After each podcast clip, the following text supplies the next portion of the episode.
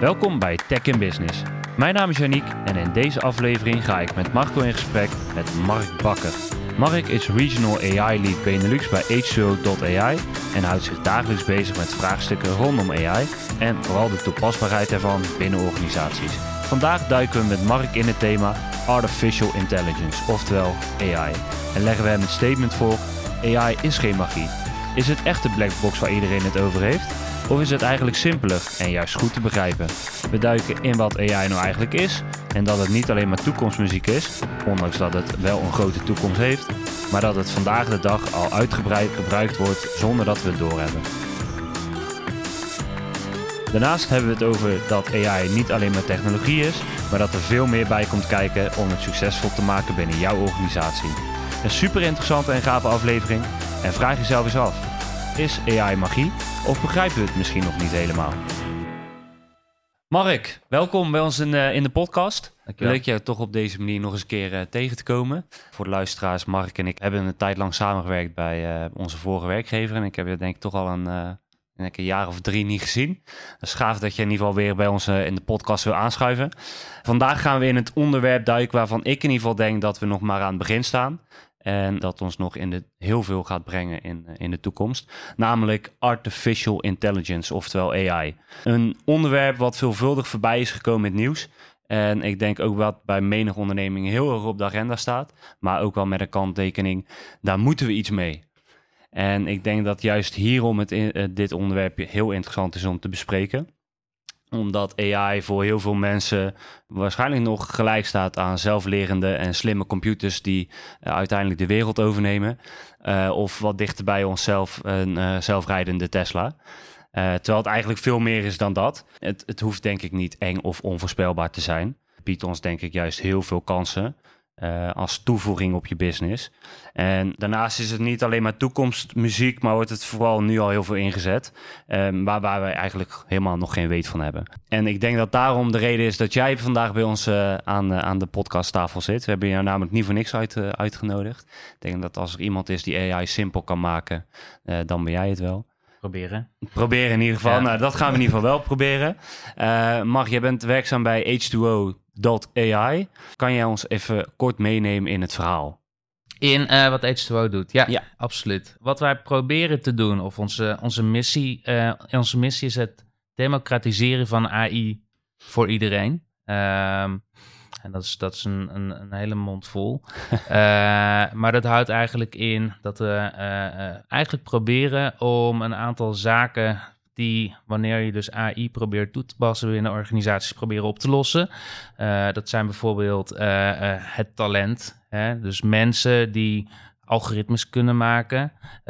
nou, dat zijn vaak ook wel schaarse mensen. Dus daar proberen we over na te denken hoe we dat gaan oplossen. Um, waar veel organisaties tegenaan wandelen, dat is tijd tot er waarde uit je algoritmes komt.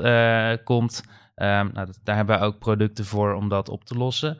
Uh, en verder, en nou, dat haalde je net al aan, mensen zien uh, AI vaak inderdaad als magie. Mensen zien AI vaak als iets wat ze niet herkennen, kennen.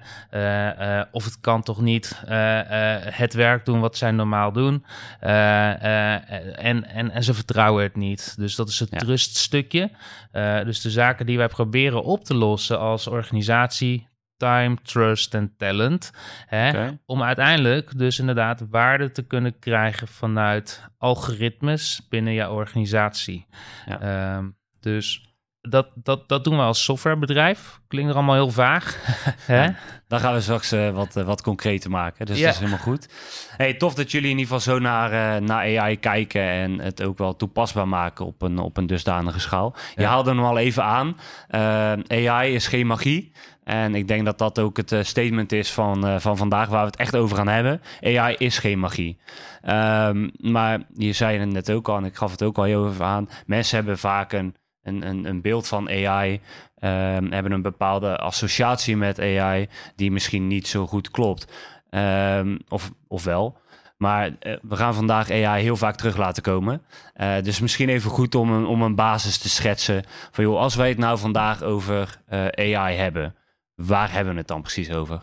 Ja, um, Het is trouwens een hele filosofische vraag die je hier stelt. uh, maak, hem, maak hem simpel en concreet voor jezelf. ja, concreet, ja, ja, ja. Uh, want er zijn zelfs ook nog echt wel heel veel verschillende definities. Zo nieuw is het gebied. Of eigenlijk is het niet eens heel erg nieuw. Volgens mij is het eind, eind jaren 50 is het vakgebied AI geïntroduceerd.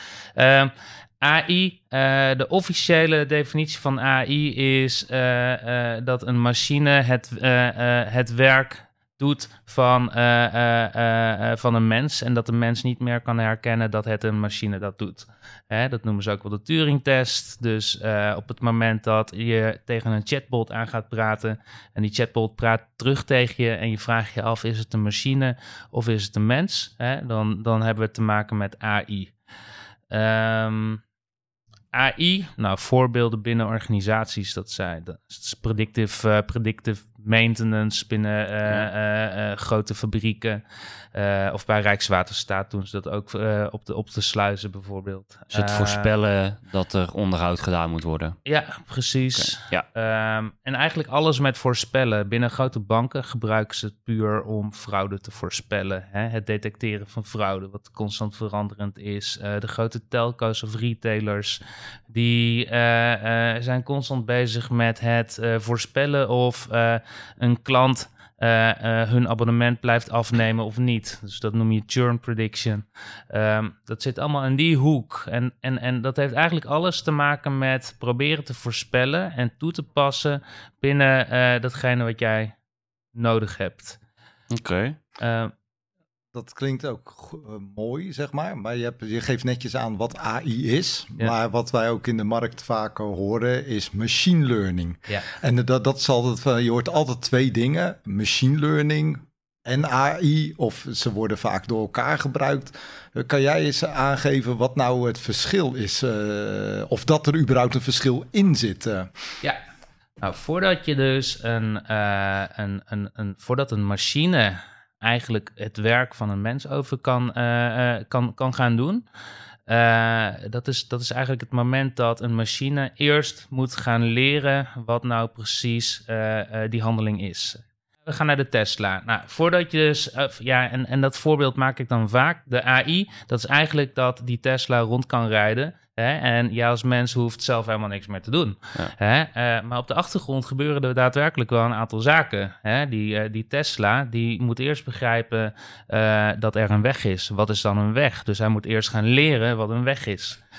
onderweg dan kom je verkeersborden tegen. Dus hij moet ook eerst nog eens een keertje gaan leren wat een verkeersbord is. Hè? Hoe ziet dat eruit? Ehm, hij, moet, hij moet begrijpen dat als er een mens in de buurt van de auto komt aan de voorkant, dat hij er mogelijk tegenaan zou kunnen rijden. Dus dat zijn eigenlijk allemaal patronen die zo'n Tesla eerst moet gaan inleren. Ja. kun, je daar ook de, de technologie erachter, achter, want het klinkt super simpel. Maar ik kan me voorstellen dat het niet zo simpel is. Het is niet zo simpel. En, en, en dit is dus, om even terug te komen op jouw vraag, Marco die, die uh, uh, het, het leren van wat een weg is, of wat een verkeersbord is, of wat een mens is, dat is de machine learning. Daar gebruik je machine learning voor. Of in dit specifieke uh, voorbeeld vaak deep learning algoritmes, wat een type machine learning is. om, om, te, om, om te kunnen zien en te begrijpen wat, zo, wat zo'n mens of een verkeersbord of, of weg is. En, die, en dat is een patroon. zo'n patroon leer je. Um, en dat is dus eigenlijk ook, dat valt binnen die definitie van AI. Eh, de machine learning, waardoor je dus patronen gaat leren wat nou specifiek iets is uh, in dat geval. Um, als ik dan over die patronen doe, hè, gewoon even voor de, de luisteraars. Want uh, we gaan wel, uh, denk ik, redelijk de diepte in met sommige thema's voor onze luisteraars. Maar stel je voor een verkeersbord. Je hebt ronde verkeersborden, je hebt uh, verkeersborden met rode randen. Zijn dat de patronen waar je zegt van... hé, hey, beste machine learning model, als je dit patroon ziet, dan betekent het dit? Ja, ja. Dus uh, je, je, je, je kunt je voor, voorstellen dat zo'n Tesla, die heeft camera's. En die camera's die zijn constant beeld aan het opnemen. En dat beeld, dat is uiteindelijk ook weer gewoon data. Hè? Uh, In het geval van uh, de camerabeelden, dat zijn pixels. En die pixels, die hebben een bepaalde vorm, inderdaad. Of een bepaalde kleur, of een bepaalde diepte. Uh, en, en, en juist die zaken, die kan je gaan gebruiken. Dus inderdaad wat je net zegt, kleur, de rand van een verkeersbord, de, de opbouw. daar zit een patroon in, wat zo'n camera of eigenlijk die Tesla dan zou moeten gaan herkennen. Die patronen die worden herkend door een algoritme. Dus dat is uiteindelijk gewoon statistiek die we erop toepassen van hey, die kleur rood komt heel veel voor in een stopbord. Misschien is het wel een stopbord. Ja. Uh, en daar kan je dan, als je dat meer gaat intrainen in zo'n algoritme, uh, dan gaat zo'n algoritme ook vaker herkennen van, nou, ik kan nu met grotere zekerheid zeggen dat dit stopborden zijn. En dat is wat er ook gebeurt. Je traint een algoritme met machine learning om zijn stopwoord te herkennen op basis van uh, identieke patronen die iedere keer weer terugkomen. Ja, dus het, eh, als ik dan machine learning doe, zie ik het meer als een soort patroonherkenning. Uh, kan je dat neerzetten en afhankelijk van wat je erin stopt, uh, zal hij een voorspelling kunnen gaan doen. Yes, okay. klopt. En, dan, en dan zijn we nog niet eens klaar met de definitie. Ja, nee. Precies, nee, maar we gaan gewoon verder. Nee, want dat is ook heel moeilijk natuurlijk. Iedereen hoort dat. En dat is juist leuk van proberen hem eens uit te leggen. Van, uh, dat we, dat we de, de luisteraars daar een, uh, mooi, ja, een, een, mooi beeld bij kunnen krijgen. Wat het nou echt is. Uh. Ja. Dus, dus um, want wat, wat ook heel erg belangrijk is. Want als je dan vervolgens begrijpt als auto wat een weg is of zo'n verkeersbord of een mens, hè, uh, dan moet je ook weten wat je ermee doet. Dus de beslissing is net zo belangrijk. En dat is eigenlijk ook wat je als mens doet. Hè? Tenminste, wij zien iets. En vervolgens dan uh, doen we er iets mee. Hè? Tenminste, als iemand je probeert te slaan, dan doe ik een stap achteruit. Uh, ik heb ooit geleerd dat als iemand mij slaat, dat het beter is dat ik een stap achteruit kan doen. Anders krijg ik hem op mijn gezicht, bijvoorbeeld. uh, nou, hetzelfde geldt voor zo'n Tesla. Die heeft zijn camera's en zijn, zijn verkeersborden. Uh, er zijn machines getraind door de garage, door de Tesla garage. Uh, uh, of de organisaties waar zij mee samenwerken. maar vervolgens moeten ze dus ook die actie gaan inrichten. Hè? En dat noemen ze dus het decision management.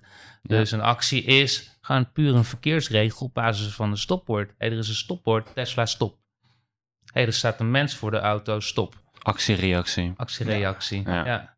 Ehm, dus dat, dat is belangrijk. En een derde, ook heel erg belangrijk. Uh, dat is dus ook het zelflerende van een machine learning algoritme. Dus er zijn ook situaties waar, waar, waar de Tesla constant van moet leren. Hè? de afgelopen tien jaar zijn er heel veel testen geweest met zo'n Tesla of zelfrijdende auto's.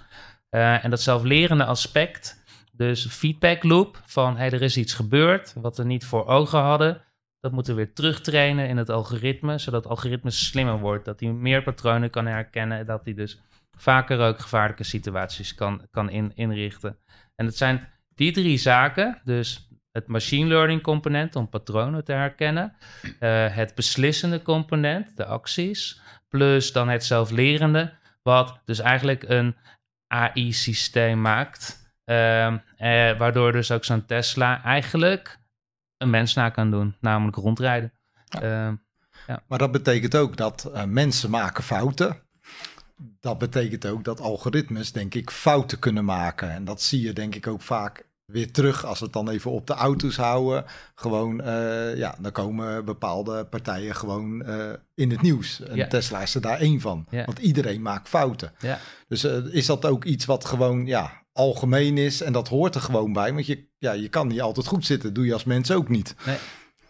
Ja, ik, ik, ik vind het wel, ja, en dat, dat is een onderwerp wat heel erg bezighoudt op ja, het moment, inderdaad. Precies, ja. hè, uh, hoe foutgevoelig is een algoritme?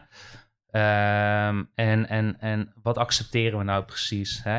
Uh, een, een, een, foutgevoelig algoritme in een Tesla, dat heeft grotere gevolgen dan als ik uh, een, een, een berekeningetje doe, uh, een gezichtsherkenning op mijn iPhone. Ja. Hè? dus, dus het maakt heel erg uit wat voor toepassing je nou precies, precies hebt. Um, en, en, en die foutgevoeligheid, ja, precies wat je zegt. Als jij verkeerde data als input hebt, van die patroonherkenning. Dan ga je ook verkeerde patronen herkennen. Als die patronen dan ook niet eens heel erg accuraat zijn, maar dan toch toegepast worden. Hè? Tenminste, als hij dan zegt, nou ik denk dat het een stopwoord is, maar ik weet het niet zeker, maar laten we toch maar stoppen. Hè? Uh, nou, dat kan ook wel inderdaad tot uh, vervelende acties uh, uitmonden. Dus eigenlijk geen ruimte voor twijfel. Ja, ja geen ruimte voor twijfel. Nou, en, en, en, en daar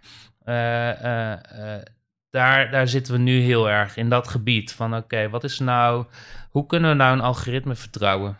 Ja, en hoe, hoe wordt dat dan opgepakt door de, de AI-gemeenschap en uh, zo producten als jullie uh, verkopen? Wat, wat zijn dan de technieken die jullie gaan toepassen om dat vertrouwen eigenlijk uh, ja, te verbeteren? Ja, goede vraag. en, en eigenlijk dan, dan, dan is, is, het, is het antwoord heel simpel door de foutgevoeligheid proberen te verkleinen. En foutgevoeligheid, ja, dat, dat gebeurt op, op heel veel verschillende aspecten. Uh, dat gebeurt inderdaad al door, door uh, de verkeerde data in te winnen. Hè? En verkeerde data inwinnen, dat, uh, ja, dat is garbage in, is garbage out. Wat ik net al zei, verkeerd ja. patronen leren betekent inderdaad ja. verkeerd patroon herkennen. Um, het menselijke aspect zit erin. Um, wij als mensen hebben die Tesla moeten leren wat een verkeersbord is. Want wij weten dat wel. Ja. Maar als wij dat verkeerd gelabeld hebben, hè, van hé, hey, dat stopbord is eigenlijk een doorrijdbord. En die fouten die, tenminste, het is, het is, het is een heel simpel, het is heel erg voor de hand liggend dat het fout is. Maar hè, in complexe situaties zie je dat niet altijd. Uh, dan, uh, dan, dan leer je het al fout aan aan het algoritme. een heel mooi voorbeeld is bijvoorbeeld een grote speler in de markt. Uh, waarbij uh, het, uh, het HR-proces hebben ze geprobeerd om te automatiseren. Dus het, het recruitmentproces. op basis van cv's hadden ze bedacht van, nou ja, wij hebben de afgelopen twintig jaar hartstikke mooie en goede mensen aangenomen. dus we kunnen vast wel een algoritme ontwikkelen die dus geautomatiseerd een cv kan uitlezen. En dat cv kan dan vervolgens um, op basis van onze machine learning algoritme uh, is, is de beste input voor de functie. Um, dat is groot in het nieuws gekomen. Ja, want, ik ken hem. Ja, ja, want de afgelopen twintig jaar hebben ze alleen maar mannen aangenomen. Dus wat leert het algoritme dan? Ja, om mannen, aan, te nemen. Te nemen ja, ja. Uh, ja en, en, en dat kan natuurlijk niet. Nee. Uh, maar goed, en dan is de, de vraag: is dat dan de schuld van de AI? Of van de, of van de input die er is. Dat, we zullen hem gewoon ja. inkoppen. Ja, nee. Maar uh, wat is ook, je hoort ook veel in het nieuws, explainable AI. Ja. En dat was eigenlijk ook iets waar ik uh, net naar zocht met de vraag, uh, zeg maar, van wat, hoe moet je dat dan zien? Hè? Want uh, omdat je die vertrouwen in die AI-algoritmen zijn, is er nu volgens mij een stroming ontstaan van explainable AI. Ja, ja. Oh ja, en, en daarom begon ik ook met de data, want ik vind dat ja. even, heel, even heel erg belangrijk. En dat, dat hoort ook even bij de magie. Data, dat, wordt echt, dat is het ondergeschoven kindje van alle AI-projecten. Dus dat, dat, daar, dat, dat wil ik toch even zeggen dat is het ook een menselijk stuk. Maar daar moet, moet, moet veel governance op gepleegd worden. Er moet goed op, op gekeken worden wat er nou precies uh, als input gebruikt wordt. En, en daar moet echt een proces omheen ontwikkeld worden. Maar Ja, ik, eh, gooi, ik hou altijd van eh, een beetje statements, uh, zeg maar, daarin. Maar eigenlijk zeg je, als een AI-algoritme fout maakt, of kan je dat überhaupt zeggen, hè? Mm. Ja, dan kijk dan eigenlijk eerst naar jezelf. hey, mens, uh, jullie hebben een fout gedaan om dat mechanisme te trainen. Want het, wij zijn eigenlijk de oorzaak van dat iets verkeerd herkend wordt. is dat ook een heel belangrijke factor die iedereen ja, is in de ogenschouw moet nemen? Dat AI is gewoon een algoritme. Hè? Maar zoals jij dat netjes doet, dat, dat is een uh, wiskundig formule, om het maar even zo uh, te zeggen. Ja. Uh, alleen inderdaad, de data is eigenlijk gewoon het allerbelangrijkste. Het waar hij, het fundament waar hij op ja. beslissingen maakt. Ja. Nou, absoluut. En, en, en, en dat is inderdaad, en daarna, en daarna gaan we ook naar het explainable stuk. Maar een algoritme, nou ja, ik, ik, gebruik zelf de definitie vaak. Uh, en, en, en dat is ook een, een discussie. Maar uh, voor mij is een algoritme dus eigenlijk de data. En het is ook aan een mens de keuze welke data wordt gebruikt vaak. Hè? Dus daar zit al een menselijk stuk in. Het is de statistiek die je erop toepast, of de machine learning. Nou, het is vaak ook de keuze van een data scientist welke statistiek daarvoor gebruikt wordt. Dus dat is ook weer een menselijk iets. En, en, en uh, uh, vervolgens dan, uh, dan gebruik je een bepaalde methodiek om, om, om tot een antwoord te komen. En dat is het algoritme. Dus, dus het is echt data plus statistiek plus een methodiek. Dat maakt een algoritme. Maar daar zitten zoveel menselijke handelingen in. Dus het is niet machine. Nee, we zijn het als mens aan het doen. Uh, en dat maakt het interessant. Ja, welke factoren zijn dan nog meer belangrijk als je het dan hebt over AI? Je, je zegt mens, maar ik kan me ook voorstellen uh, uh, dat, een, dat een problematiek of een uitdaging daar een onderdeel van is. Een organisatie. Kun je, kun je daar wat, wat meer over, uh, over uitweiden? Ja, en dan ga ik hem even weer vastpakken, vastplakken aan dat explainable AI. Ja. Um, stel je hebt de data in goed, goed ingeregeld. Uh, vervolgens dan ga je algoritmes maken of dat ga je geautomatiseerd doen, wat H2O vaak doet. Um, vervolgens dan heb je een algoritme uitgekozen en dan moet je het vertrouwen ook zien te winnen van een organisatie. Of uh, je, moet, uh, je, moet, je moet de rapporten overleveren aan bijvoorbeeld instanties zoals de Nederlandse Bank of dus dat echt de partijen die toezicht houden. Um, dan, dan, dan kom je in, in, in de wereld van: mm-hmm. oké, nu heb ik een algoritme ontwikkeld. Uh, Zo'n algoritme die maakt keuzes. Uh, maar als ik nou specifiek uh, één keuze uit mijn volledige databestand bekijk, maakt hij dan de keuzes die ik ook had verwacht, welke keuzes hij zou moeten maken? en dan kom je inderdaad bij explainable AI. Dus um, voorheen was het vaak zo dat we wat minder op individueel niveau konden kijken wat nou eigenlijk zo'n algoritme doet. En de afgelopen paar jaar proberen we dus steeds beter zo'n algoritme uit te leggen. Dus steeds meer een blackbox algoritme. Hè? Uh, Wat het dus voor mensen is. En dat is ook die magie van hoe komt hij nou tot een antwoord? Of waarom heeft die Tesla besloten om tot stilstand te komen in plaats van gewoon naar rechts toe te rijden? Um, dat is een specifieke situatie. En dan gaan we dus naar het explainable stuk kijken van oké, hij heeft de keuze gemaakt op basis van zonlicht, reflectie, uh, uh, hoe druk het was op de weg. Dus hij heeft de juiste keuze gemaakt. Dus heel veel afhankelijke factoren tot die bepaalde beslissing te komen. Ja, ja oké. Nou, wel leuk dat je ons al wat dichter bij uh, AI brengt. Ik denk dat het al wat, wat uh, begrijpelijker is voor, voor mensen die luisteren. Kunnen we, kunnen we stellen dat er eigenlijk al veel vaker gebruik wordt gemaakt van AI zonder dat mensen het eigenlijk doorhebben? Want AI klinkt nog steeds ontzettend als toekomstmuziek. En als iets wat de wereld gaat veranderen uiteindelijk. Maar eigenlijk zeg jij dat we al lang uh, gebruik maken van AI zonder dat we het doorhebben. Klopt dat? Dat, dat klopt. Uh, een leuke anekdote, wat ik, wat, ik, wat ik een half jaar geleden had met mijn opa van, van 93 is ondertussen. Uh, en nu is, nu is hij wel vrij technisch hoor, moet ik zeggen. Uh, maar, uh, mijn opa valt niet ver van de boom dus. Nee, maar mijn opa van 93, die heeft dan ook een, een, een iPhone. Een iPhone 4 heeft hij. En uh, uh, hij is heel bezig met foto's van zijn kleinkinderen, of waar hij mee bezig is, of hij schildert vaak. En uh, hij, pakte, dus hij maakte overal foto's van. En toen vroeg hij aan me van, hey Mark, heb jij overigens deze foto van mij gezien? Dat was een foto van zonsondergang in de Achterhoek, daar woont hij. dus hij pakt, hij pakt de fotogallery erbij van de iPhone en vervolgens drukt hij op search en hij tikt in zon. En dat vond ik heel cool. Toen dacht ik van, hé, hey, hij heeft gewoon inderdaad de zoekfunctionaliteit uh, gevonden in de iPhone. Uh, en, en, en hij kreeg inderdaad alle foto's waar een zon op stonden. En dat vond ik wel, wel gaaf. Ja. Want het zat, zat gewoon onzichtbaar, zat hij eigenlijk in zijn, in zijn, in zijn uh, gereedschapskistje. En hij had ook helemaal niet door dat hij eigenlijk best wel een geavanceerd ding aan het doen was. Want, want als je zon intikt, dan moet die iPhone begrijpen van, ah ja, zon... Wat is een zon dan eigenlijk? Oh ja, dat is de zon. Nou, wij als mensen weten dat, maar de iPhone heeft dat dus moeten leren. Uh, en vervolgens dan moet hij door alle foto's heen gaan in zijn, uh, in zijn, in zijn uh, bibliotheek. om te kijken wat een zon is. En dan moet die iPhone dus ook nog eens een keer begrijpen dat op die foto's daadwerkelijk een zon staat. Met een bepaalde accuracy. Dus.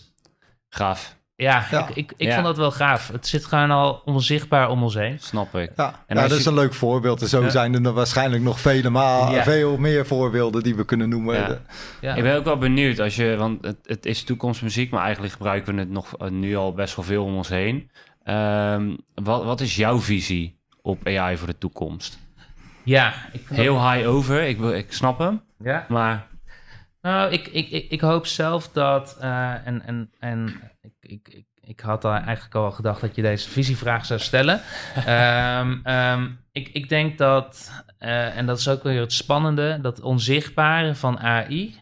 Uh, ik hoop, ik denk uh, dat dat steeds meer gaat toepassen. Hè? Dat we dus in de toekomst gewoon wel steeds vaker geholpen worden door een gereedschapje AI, zonder dat we het doorhebben. Hè? Uh, en, en op die manier dan, dan, dan wordt AI ook wat meer ook mainstream. Want op dit moment is het vaak voor de grote banken, alleen maar voor de grote banken weggelegd bijvoorbeeld. Of voor de mensen die uh, AI begrijpen of doen. En dan wordt het toch wel weer een data- en wiskundig verhaal. Maar ik denk dat de waarde hoofdzakelijk in de toepas toepasbaarheid zit. En wanneer wordt AI toepasbaar? Als het gemakkelijk is om te gebruiken. Wanneer is het gemakkelijk om te gebruiken? Als mijn open van 93 niet eens meer door heeft om uh, AI te gebruiken. Ja. Uh, dus dat, dat, dat is mijn, mijn persoonlijke visie waar ik denk waar het naartoe gaat groeien. Ja. Um, daar zijn we nog lang niet. Dat was inderdaad mijn volgende vraag. waar staan we op die... Waar staan we, uh, waar staan we daar moment, ja. ja. Uh, en, en, en, en dat is ook het spannende van AI. Want om terug te komen op uh, jouw stelling aan de start van deze podcast. AI is geen magie.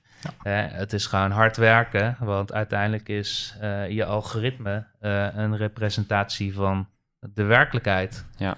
Uh, uh, dat houdt dus eigenlijk in, uh, de werkelijkheid verandert constant. die werkelijkheid is soms ook niet heel erg leuk om, om, om te zien. Hè? Dan, dan heb je in één keer een patroon gevonden die je helemaal niet had, had willen vinden.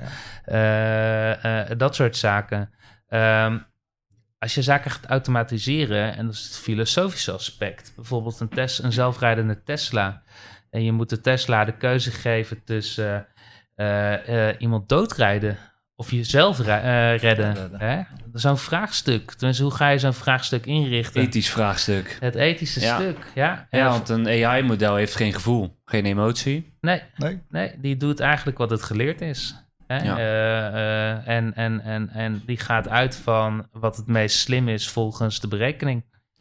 Ja, en, en maakt dat ook, want ik weet dat ze op Europees niveau uh, daar ook uh, gesprek over voeren. Ze proberen, uh, gezien je net zelf ook aangeeft, het, het, wordt al steeds meer toegepast en het wordt eigenlijk alleen maar groter ja. en vaker gebruikt. Ik kan me ook voorstellen dat ze het willen reguleren. Ja. Um, doet de EU dit momenteel al? Of? Ja, dus, dus, dus ze zijn momenteel bezig met regelgeving te ontwikkelen voor toepassingen waar AI in gebruikt wordt die een uh, risicoprofiel hebben. Hè? Dus, dus bijvoorbeeld dat voorbeeld wat je net noemde. Ja, um, dat wordt volgens mij elk moment uitgerold. Ze hebben okay. dus dit geïntroduceerd dat ze dit wilden gaan doen. Ze hebben een stuk geschreven erover. Dat is in afgelopen maart, april, dacht ik, uh, uitgekomen. Um, ja, dit, dit gaat gebeuren en dat is ook nodig. Tenminste, ik uh, ik vergelijk het altijd met uh, wat er uh, rond de begin 20e eeuw is gebeurd. Toen, toen, toen reden we nog met paard en wagen rond op zandwegen. En vervolgens werd de auto geïntroduceerd. Het eerste wat mensen zeiden was: ja, we komen toch van A naar B, doe eens even normaal. Ja. Hè? Uh, en dan, dan, dan wordt toch die auto geïntroduceerd. Uh, door de eerste innovators wordt het uh, opgepakt, wordt mee rondgereden, wordt stoer mee gedaan. Dan komen ze erachter dat zo'n zandweg niet heel handig is. Dus dan komt er wat verharding voor zo'n zandweg. Dan gebeuren de eerste ongelukken. Dan denken mensen, ah, er zijn ongelukken, dus daar moeten we iets mee doen. Dus zo zijn de verkeersregels ontstaan waarschijnlijk. Zo komen verkeersborden. Nou, zo zie ik AI ook. Hè? Ja. Het gaat sneller, geautomatiseerd. Uh, wij gaan een paar keer flink ons hoofd stoten. Hebben we ook al gedaan. Uh, dus we zijn nu bezig met uh, die weg te verharden. Uh, Zo'n EU is nu bezig met de verkeersborden. Um, en, en, en ja, dat is dus door schade en schande moeten we er komen. Ja. Um, het is, ja, het is een proces. het is een proces. Een lang proces. Maar kijk, ik denk dat ook de EU-regulering, wat je zegt met uh, partijen, hè, want AI, we zetten het nu even voor het goede in. Hè. Er zit natuurlijk ook een, uh, een dark side, uh, kan je daar aanhangen. Ja. Zeg maar, ik denk dat dat ook heel belangrijk is, dat dat goed gereguleerd wordt in de toekomst. Ja. Ja, ja, ja, je hebt niet voor niets dat.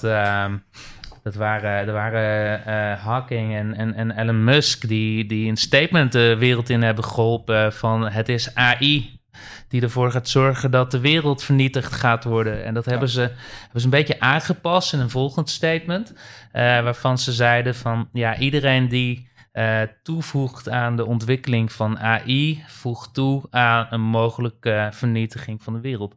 En daar kan je inderdaad wel over nadenken. Hoe meer data-driven we worden, hè, hoe afhankelijker. Nou, we zijn nog super afhankelijk. Ik doe al mijn bank, uh, bankzaken doe ik via internet momenteel.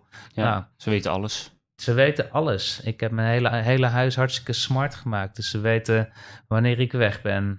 Uh, hoeveel, hoe vaak ik mijn verwarming heb uh, aanstaan of uitstaan. Uh, wat, voor, wat voor internet searches ik doe.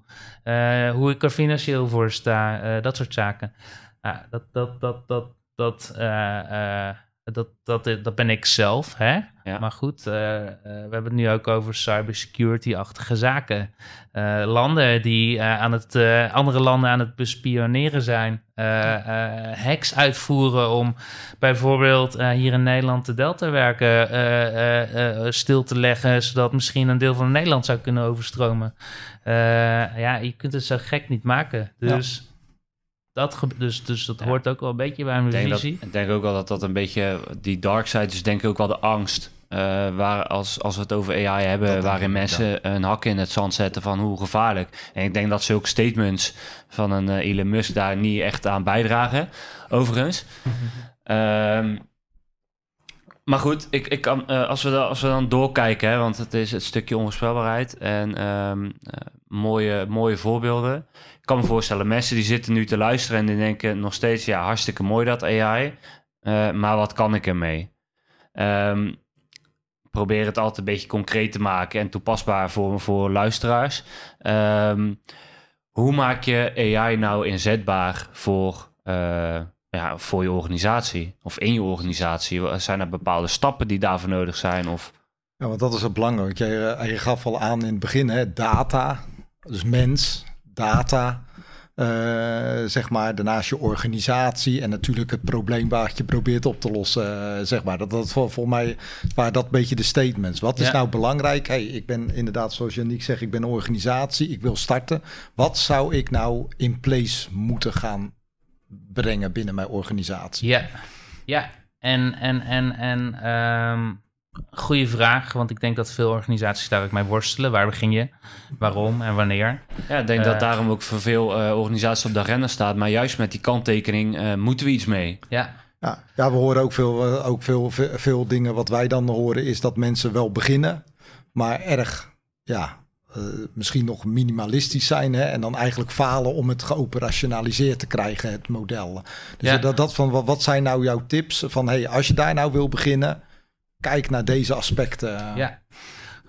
Um, waar ik altijd mee zou beginnen als organisatie al helemaal, als je hier nog geen stap in gezet hebt, is um, um, zoek een onderwerp uit waar je waarde uit kunt halen en wat meetbaar is. Dus dat je, dat je een bepaald proces binnen je organisatie, bijvoorbeeld een credit check op je klanten, Hè, uh, dat, dat, doe, dat doen organisaties vaak op basis van regels, op basis van leeftijd, op basis van uh, uh, handelingen in het verleden bijvoorbeeld.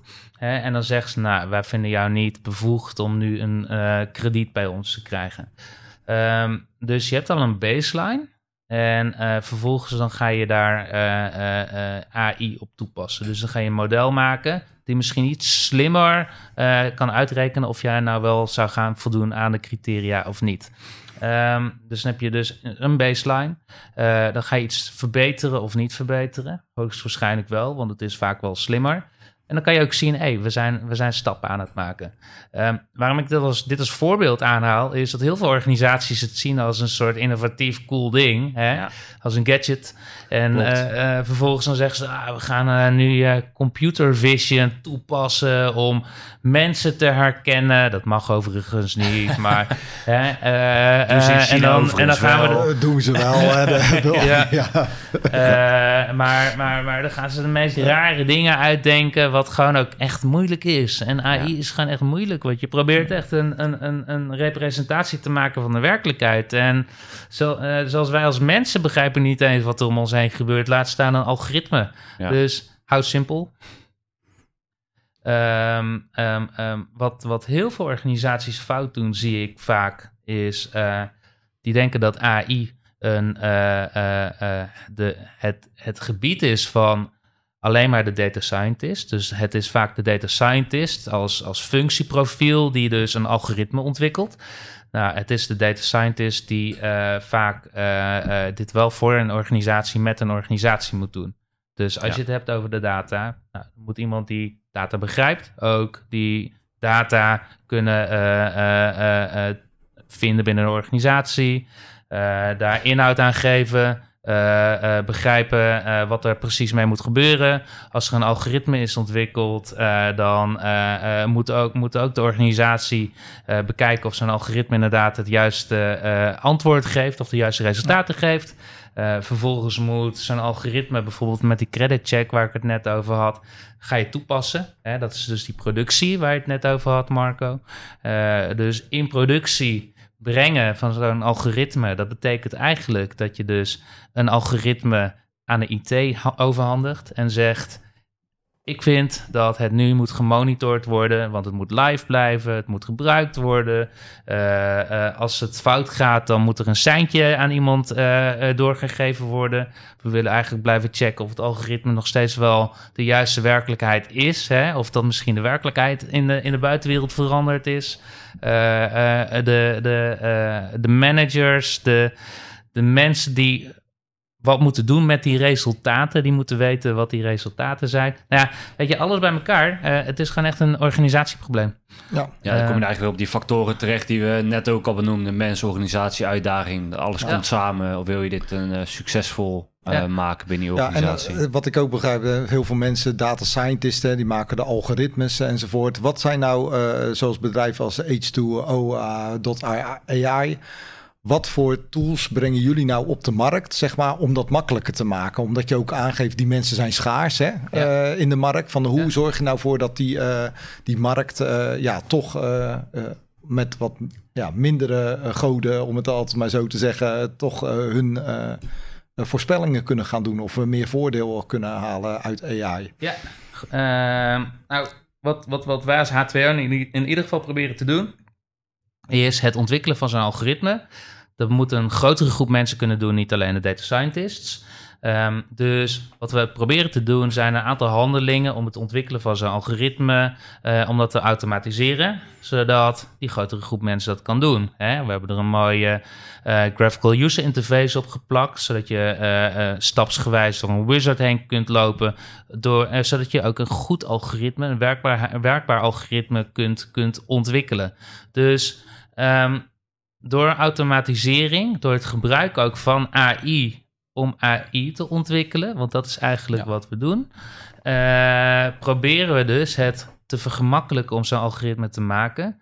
Maar ook omdat je automatiseert en een aantal slimme dingen toepast, wat we dus de afgelopen tien jaar geleerd hebben, uh, kunnen we ook nog een beter algoritme maken. Wat ook nog uitlegbaar is en met een druk op de knop uh, ge, uh, geoperationaliseerd kan worden, gemonitord kan worden en in gebruik genomen kan worden. Um, dus wat wij de, de, markt brengen is echt het makkelijker kunnen maken van algoritme, wat ook nog accuraat is en wat ook gemakkelijk in gebruik kan genomen worden. Ehm, omdat het hele, stap, dat hele stappenplan, dat hele proces, is al moeilijk genoeg. Dus ik denk dat je dan ook tot de kern komt. Uh, het, het, simpel maken van AI. Want zonder dat je het simpel maakt, kun je het ook niet operationaliseren en kun je het ook niet in gebruik nemen. Precies. Dus wil AI groter worden, moeten we het uiteindelijk simpel maken. Ook voor onszelf. Ja. Ik denk dat wij hier nog uh, uren over door kunnen praten. Ik denk dat er over AI uh, op verschillende vlakken heel veel te vertellen is. Uh, zijn er nog dingen waarvan jij nu zegt van... Ah, ik ben nu even aan het kletsen, maar die wil ik echt nog even kwijt? De organisatie draagt AI. En met AI kan je hele gave dingen doen. Ehm, en, en, en automatisering, dat is echt niet inderdaad voor de, de mindere goden. Uh, maar ook de data scientists, die heel geavanceerd zijn, die kunnen ook heel erg goed gebruik maken van automatisering. Ja. Um, want weet je, je hoeft niet alles zelf te bouwen. Dat, uh, dat doen organisaties als HTWO wel voor je. En ik vind wel inderdaad dat ook die hele geavanceerde data scientists, die horen zich meer bezig te houden met het kneden van de data, het begrijpen van de data, het, de uitlegbaarheid van zijn algoritme, de toepasbaarheid van de resultaten, uh, het, het naar de organisatie toebrengen. Um, en uh, uh, ja, dat, dat, dat wou ik nog even kwijt. Dat is wat, wat veel organisaties die al begonnen zijn met AI, dat gaat vaak daar nog, nog, nog fout. Ze zijn meer aan het bouwen en minder aan het analyseren ja. en doen. Um, en ik hoop dat we daar langzaam ook naartoe kunnen groeien. En, dat is ook iets waar wij heel graag bij willen helpen. Ja, oké. Nou, top. Ja. Dan wil ik jou in ieder geval bedanken voor, uh, voor deze hele interessante podcast. Ik vond het echt een heel gaaf verhaal. Uh, ik denk dat mag Zeker. ook. ja, eh, dat is uh, hetgeen waar ik heel erg naar aan het kijken ben. Dus voor mij is het ja. ontzettend interessant. Ja, en ik denk wat wel de conclusie is van dit verhaal... is inderdaad, maak AI simpel en het is zeker geen magie. Dus even samenvattend: is AI magie en een black box of niet? Wij vinden van niet. Maar realiseer je dat AI niet alleen maar technologie is, maar dat de mens een belangrijke factor hierin is. Daarnaast is AI overal om ons heen en heeft het een grote toekomst, mits we het toepasbaar en simpel kunnen houden. Voor iedereen die geluisterd heeft, deel deze podcast met je netwerk. Laat ons weten wat je ervan vond. En mocht je vragen hebben, kun je ons altijd bereiken via onze website. Deze is te vinden in onze show notes. Bedankt voor het luisteren en hopelijk tot bij onze volgende podcast.